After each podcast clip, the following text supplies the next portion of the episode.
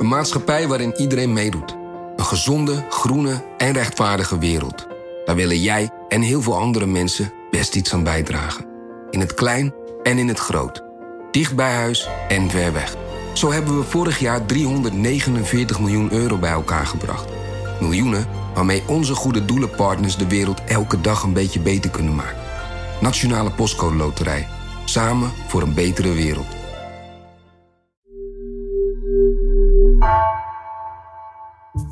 Vanaf de redactie van NRC het verhaal van vandaag. Mijn naam is Floor Boon.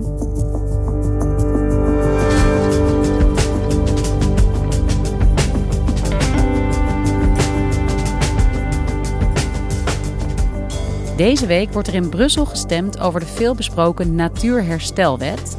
Die moet voorkomen dat Europese natuur nog verder achteruit gaat. Het voorstel leidt tot grote verdeeldheid in Europa, vertelt Clara van de Wiel. Boeren en natuurorganisaties staan lijnrecht tegenover elkaar. Waarom leidt juist deze wet tot zoveel onrust?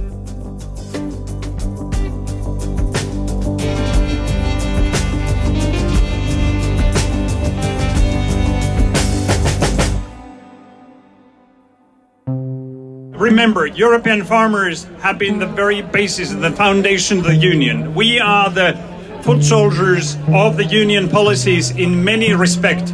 If we cannot do it, the European Union will fail.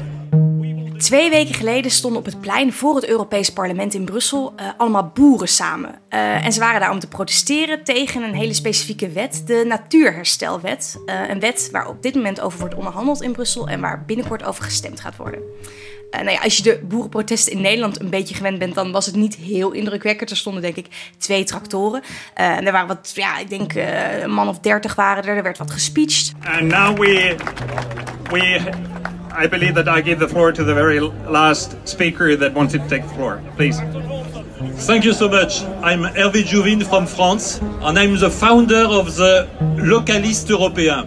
En wat wel opvallend was, was dat er op een gegeven moment in die speech ook specifiek werd verwezen naar die protesten in Nederland. En de man die zei eigenlijk van ja, wij volgen heel goed wat er in Nederland gebeurt.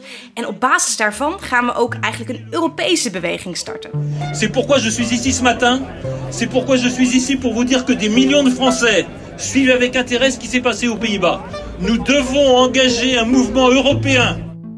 En wat nog interessanter was, was dat er op datzelfde plein, op datzelfde moment, aan de overkant van het plein ook een demonstratie was van uh, natuurorganisaties die eigenlijk voor diezelfde wet aan het demonstreren waren.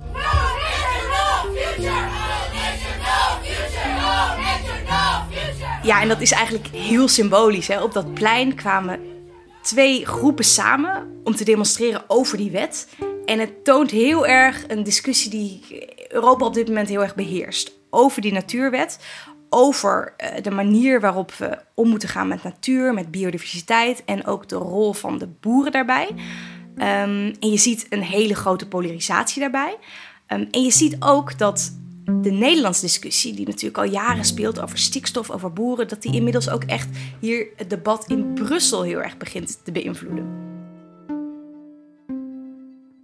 Ja, Clara, je zegt uh, twee groepen staan hier tegenover elkaar hè, om uh, te protesteren voor of tegen de natuurherstelwet. Boeren versus nou ja, uh, natuur- of milieuorganisaties. Wat houdt die wet precies in? De wet is een voorstel van Frans Timmermans, hier de Eurocommissaris voor Klimaat, een Nederlander.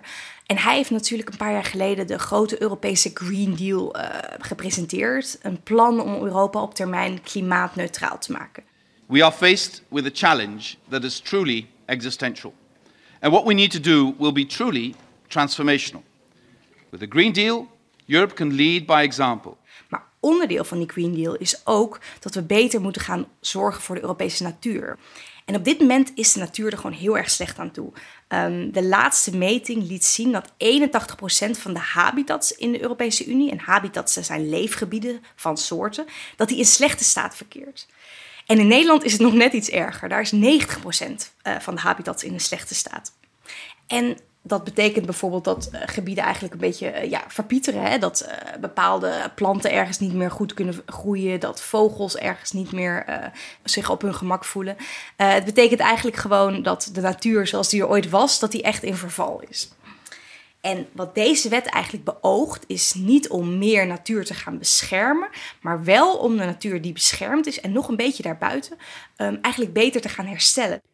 Ja, natuurherstel, hoe ziet dat eruit? Wat, wat moet ik me daarbij voorstellen? Ja, dat kan allerlei verschillende vormen aannemen. Het kan bijvoorbeeld betekenen dat je ja, wat bomen moet gaan planten, wat heggen moet aanleggen, um, water ergens weer creëert waar dat misschien er niet meer was. Uh, maar het kan ook betekenen, en dat is in Nederland vaak het geval, dat je uh, factoren van vervuiling gaat wegnemen. En vervuiling in Nederland, dat betekent bijna altijd stikstofuitstoot. En voor die wet uh, moeten lidstaten moeten een eigen herstelplan gaan maken. En in dat plan leggen ze eigenlijk uit hoe ze hun natuur willen gaan herstellen. Um, en een specifieke verplichting is er ook voor steden. Um, in steden mag er netto helemaal geen groen meer gaan verdwijnen. En dat betekent dus dat als je bijvoorbeeld uh, een rij bomen omhakt, vijf, dan moet je die vijf bomen ergens anders in de stad weer aanplanten. En wat is precies het probleem? Waarom is hier zoveel over te doen? Ja, ik denk dat. Kijk, de Europese Unie is natuurlijk een heel uitgestrekt gebied. met heel veel verschillende lidstaten die allemaal met andere problemen kampen. In Nederland, zoals ik al zei, is heel specifiek natuurlijk dat probleem van stikstof. We zijn een heel dichtbevolkt land. Met, ja, we, hebben alles eigenlijk to the max. Hè. We hebben uh, heel veel boeren, we hebben een grote haven, we hebben een grote luchthaven, we hebben heel veel snelwegen. Dus dat maakt ook de druk op de natuur in Nederland gewoon heel erg groot. Maar dat heb je in een land als Finland bijvoorbeeld helemaal niet. Maar toch is er ook in Finland heel veel verzet tegen deze wet. En dat heeft te maken met dat uh, in Finland hebben ze heel veel bossen. Uh, maar die bossen, ja, die worden ook echt een beetje gezien als een economisch goed. Daar wordt hout vanuit gebruikt. En dat gebeurt al heel erg lang. En heel veel Finnen hebben zoiets van, ja, dat is ons bos. Wij mogen bepalen wat wij daarmee doen. En als Brussel ons komt vertellen dat we bepaalde dingen niet meer in dat bos uh, kunnen doen, ja, daar, daar gaan we echt heel erg hard tegen demonstreren. Uh, nou, dan heb je bijvoorbeeld Spanje. Spanje dat worstelt natuurlijk heel erg met een toenemende droogte vanwege klimaatverandering. Uh, en daar is eigenlijk een beetje een strijd ontstaan over wie nog gebruik mag maken van het schaarse water. Is dat uh, water ervoor om bepaalde, ja, beetje moerasachtige gebieden in Spanje in goede staat te houden, dus die natuur? Of moeten ook boeren daarvan gebruik kunnen maken om hun vooral aardbeivelden te irrigeren. Uh, dus daar heb je ook eigenlijk een heel groot conflict over van, nou ja, wat is nou uh, goed voor de landbouw, wat is goed voor de natuur. Um, en in België hebben ze eigenlijk een beetje de vergelijkbare problemen als in Nederland. Ook met boeren, ook met stikstof, ook met een grote druk op de natuurgebieden daar. Ja, boeren versus de rest van de natuur eigenlijk. Want zo leg je het uit. Hè? Dus het zijn mensen die uh, leven van het platteland versus de natuur. Maar de natuur ja, dat is belangrijk voor ons allemaal. Ja, zeker. En als je kijkt naar die rapporten van deskundigen, dan zie je ook wel dat het grootste risico voor de Europese landbouw is eigenlijk juist het verlies van soorten, het verlies van natuur en, en eigenlijk de neergang van uh, ja, het aantal soorten. Uh, wat er natuurlijk ook voor zorgt dat er bijvoorbeeld minder insecten zijn. Nou, als er minder insecten zijn, dan wordt er ook veel minder uh, bestoven. En dat zorgt natuurlijk weer voor dat planten weer niet goed kunnen groeien en daarmee ook de landbouw weer in het gedrag komt. Dus uh, op de lange termijn, het overleven van de Europese landbouw hangt juist ook heel erg af van het behoud van biodiversiteit.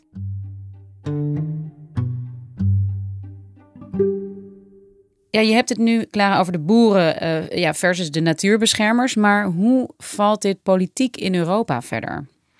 Valt eigenlijk op een bodem die toch al een beetje begon te twijfelen over die Europese Green Deal waar ik het net over had. Je zag dat de afgelopen tijd echt wel breder het verzet tegen die klimaatmaatregelen toeneemt. En dat heeft te maken met ja, de oorlog in Oekraïne, die natuurlijk een, een economische schok heeft betekend. Ook in veel landen, ja, of op het randje van de recessie of al helemaal in de recessie heeft geduwd. Um, en dat komt ook wel omdat ja, we natuurlijk de afgelopen jaren al enorm veel klimaatmaatregelen hebben aangenomen. En dat deze natuurherstelwet, waar nu over onderhandeld wordt, die wordt wel een beetje gezien als van ja, moet dat er nou ook nog bij? Hebben we niet nou echt wel genoeg gedaan?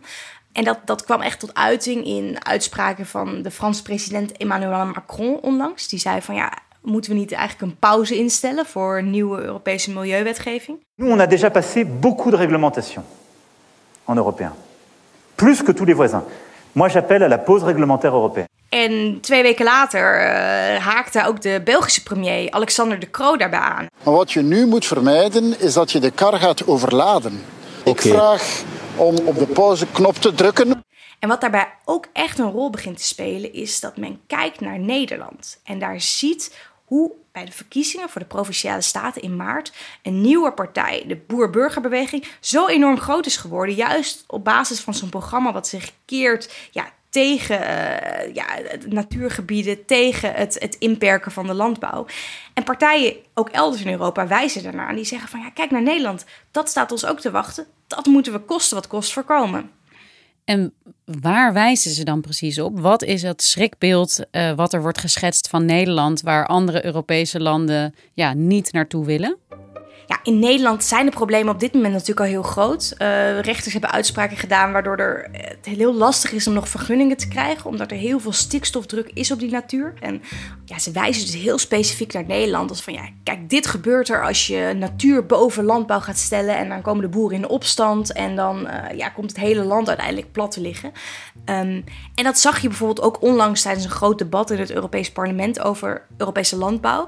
Conservatieve Europarlementariërs, meerdere, wezen heel duidelijk naar Nederland. Van ja, kijk, daar gaat het al helemaal mis. Um, en bijvoorbeeld de Tsjechische eurokritische Europarlementariër Veronika Vrecionova.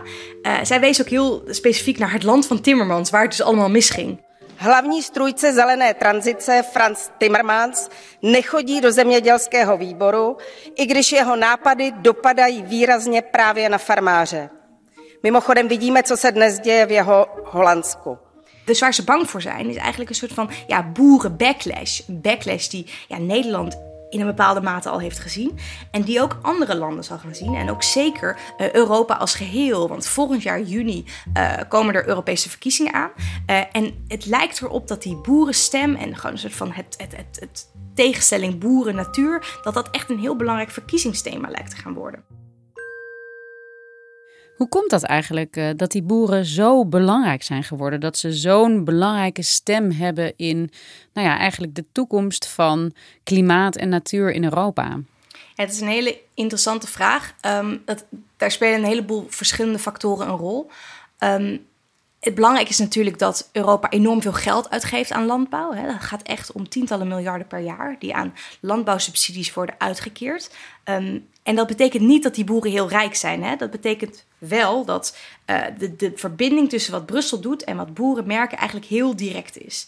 Maar wat misschien nog wel belangrijker is, is dat um, boeren een heel ja, dat, dat appelleert wel aan heel veel wat, wat mensen ook belangrijk vinden. Aan plattelandsgemeenschappen, aan een soort van traditionele manier van leven, die door veel mensen ook wel gewaardeerd wordt. En als je bijvoorbeeld kijkt naar de klimaatmaatregelen die de afgelopen jaren in Brussel zijn genomen, dan gaat het bijvoorbeeld ook om dingen die ja, de uitstoot van grote industrie moet gaan aanpakken. Nou, voor, voor een bedrijf als Tata Steel, daar gaan mensen niet zo heel snel de straat voor op. Hè? Dat, dat wekt weinig sympathie.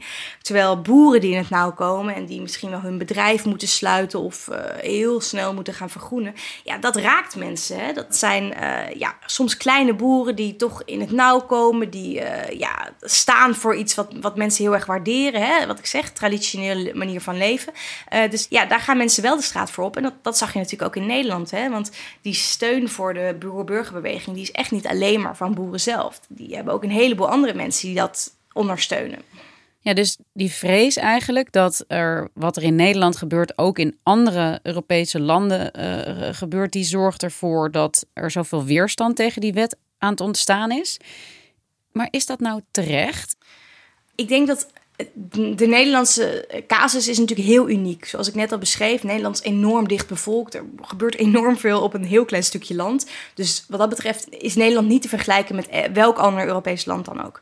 Tegelijkertijd kun je wel zeggen dat om die klimaatambities van Europa waar te maken en ook zeker om biodiversiteit te garanderen, um, zal de landbouw niet ontzien kunnen worden. Dus daar moet absoluut iets veranderen.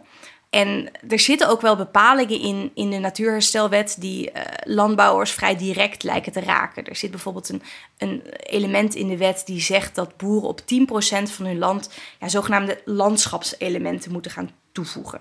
Nou ja, de critici, en dat gaat dan vooral om de Christen-Democratische Partij hier in Brussel, die zeggen van ja, dat betekent eigenlijk dat boeren 10% minder mogen gaan telen. En dat betekent dus 10% minder voedsel in Europa. En daarmee dus dat de prijzen gaan stijgen en dat we heel erg ja, veel minder voedsel in Europa kunnen gaan produceren. For example, this uh, proposal says that farmers have to set aside, so not use a certain percentage, say 10% of their land, uh, which means that they can't use it for food production. So uh, this is where both farmers and consumers are concerned, and I think quite rightly so. Zo als je heel goed kijkt naar wat er nou precies in die wet staat, dan staat er dat ja, er moeten inderdaad landschapselementen worden toegevoegd. Maar op dit moment is er al in Europa op ongeveer 7% van het boerenland landschapselementen. Dus het gaat eigenlijk maar om een kleine stijging. Maar wat is een landschapselement?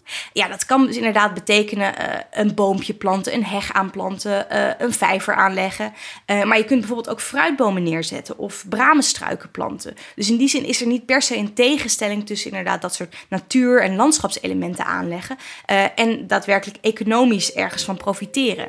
Um, dus dat argument van dat dat nou enorm zou ingrijpen op de voedselproductie van, van Europa. Als je concreet kijkt en ook met deskundigen spreekt, wat ik heb gedaan, dan is dat eigenlijk toch niet zo. Hoe staat Nederland in deze discussie? Hoe gaat Nederland zich in Europa opstellen als het gaat over deze uh, natuurherstelwet?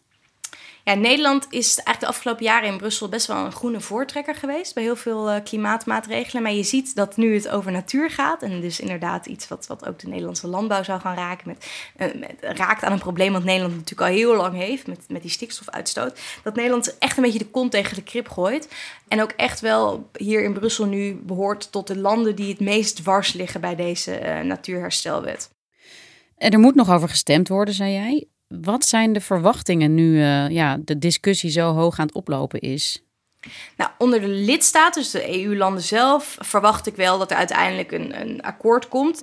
In het Europese parlement zal het dus echt een stuk lastiger gaan worden, omdat die christendemocratische partijen, waar ook het CDA en de ChristenUnie onderdeel van zijn, die hebben eigenlijk gezegd, ja, wij zijn sowieso tegen. Dus wat er ook aan die wet veranderd wordt, wij stemmen sowieso tegen. Uh, en dat is toch de, eigenlijk de grootste en ook wel machtigste partij hier in Brussel. Uh, dus de kans dat de wet sneuvelt in het Europarlement, die is echt aanwezig. En de komende dagen en weken moeten we gaan zien hoe dat verder gaat. En wat zou dat nou betekenen als deze wet sneuvelt? Wat betekent dat eigenlijk voor het natuurherstel, maar ook voor die Green Deal van uh, Eurocommissaris Frans Timmermans? Ja, voor beide zou dat wel echt heel dramatisch zijn. Kijk, uh, deze wet is eigenlijk een beetje het skelet van het hele biodiversiteitsbeleid uh, van, de, van de Europese Unie. Uh, om, om ervoor te zorgen dat naast die klimaatopgave dat we ook beter omgaan met onze natuur en biodiversiteit. Uh, en daarmee valt dan dus eigenlijk ook één poot van de Green Deal een beetje weg. Hè? Die Green Deal waar ik het net over had, die heeft verschillende takken eigenlijk. Hè? Het, terugdringen van CO2, dat is echt de klimaattak. Je hebt ook een soort van tak die gaat over circulariteit. Dus ja, dat we beter omgaan met ons afval, dat we dingen weer uh, gaan hergebruiken, dat we meer gaan recyclen. Uh, en die derde tak, ja, die biodiversiteitstak, die leunt heel erg op deze natuurwet. Dus als dat wegvalt, ja, dan zakt eigenlijk Green Deal ook een beetje onderuit. En is de kans dan ook verkeken? Hè? Is dat dan het einde van de Green Deal, om het even zo heel erg scherp te zeggen? Of komen er dan nieuwe kansen om een vergelijkbare wet op een later moment nog aan te nemen? Ja, de, de christendemocratische fractie die zegt hier inderdaad van ja, we staan wel heel erg achter de uiteindelijke doelen. Hè. We willen de diversiteit wel verbeteren, maar um, dat, dat moeten we niet met deze wet doen, want deze wet die deugt gewoon niet. Um, ik heb wel veel experts gesproken die zeggen van ja, deze wet is echt prima. Hè? Uh, als het niet met deze wet gaat, waarmee dan wel? Bovendien begint de tijd ook wel een beetje te dringen. Uh, want de biodiversiteitsdoelen die de Europese Commissie wil gaan stellen, die zijn al voor 2030. Nou, we zitten in 2023. Dus als deze wet nu van tafel gaat, die moet weer helemaal opnieuw beginnen. Uh, ja, dat maakt het wel echt een stuk ingewikkelder. Dus ik zal niet zeggen dat als dit van tafel gaat, dat, je dan, dat er dan nooit meer iets vergelijkbaars zou komen. Maar je loopt weer een heleboel vertraging op. En ook als je kijkt naar de staat waarin de natuur en de biodiversiteit nu verkeren, ja, dat is wel vertraging die we ons eigenlijk niet kunnen veroorloven, denk ik. Dankjewel, Clara. Graag gedaan.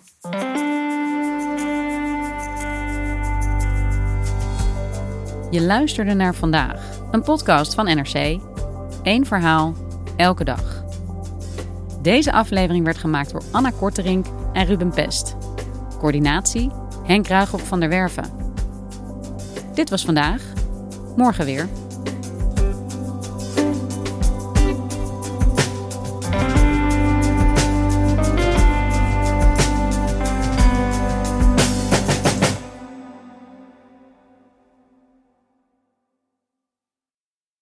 Nieuw Aquarius Red Peach Zero Sugar.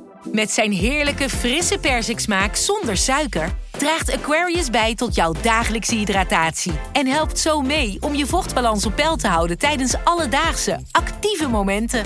Thuis, op het werk of onderweg. Ook verkrijgbaar in smaken lemon en orange. Probeer hem nu.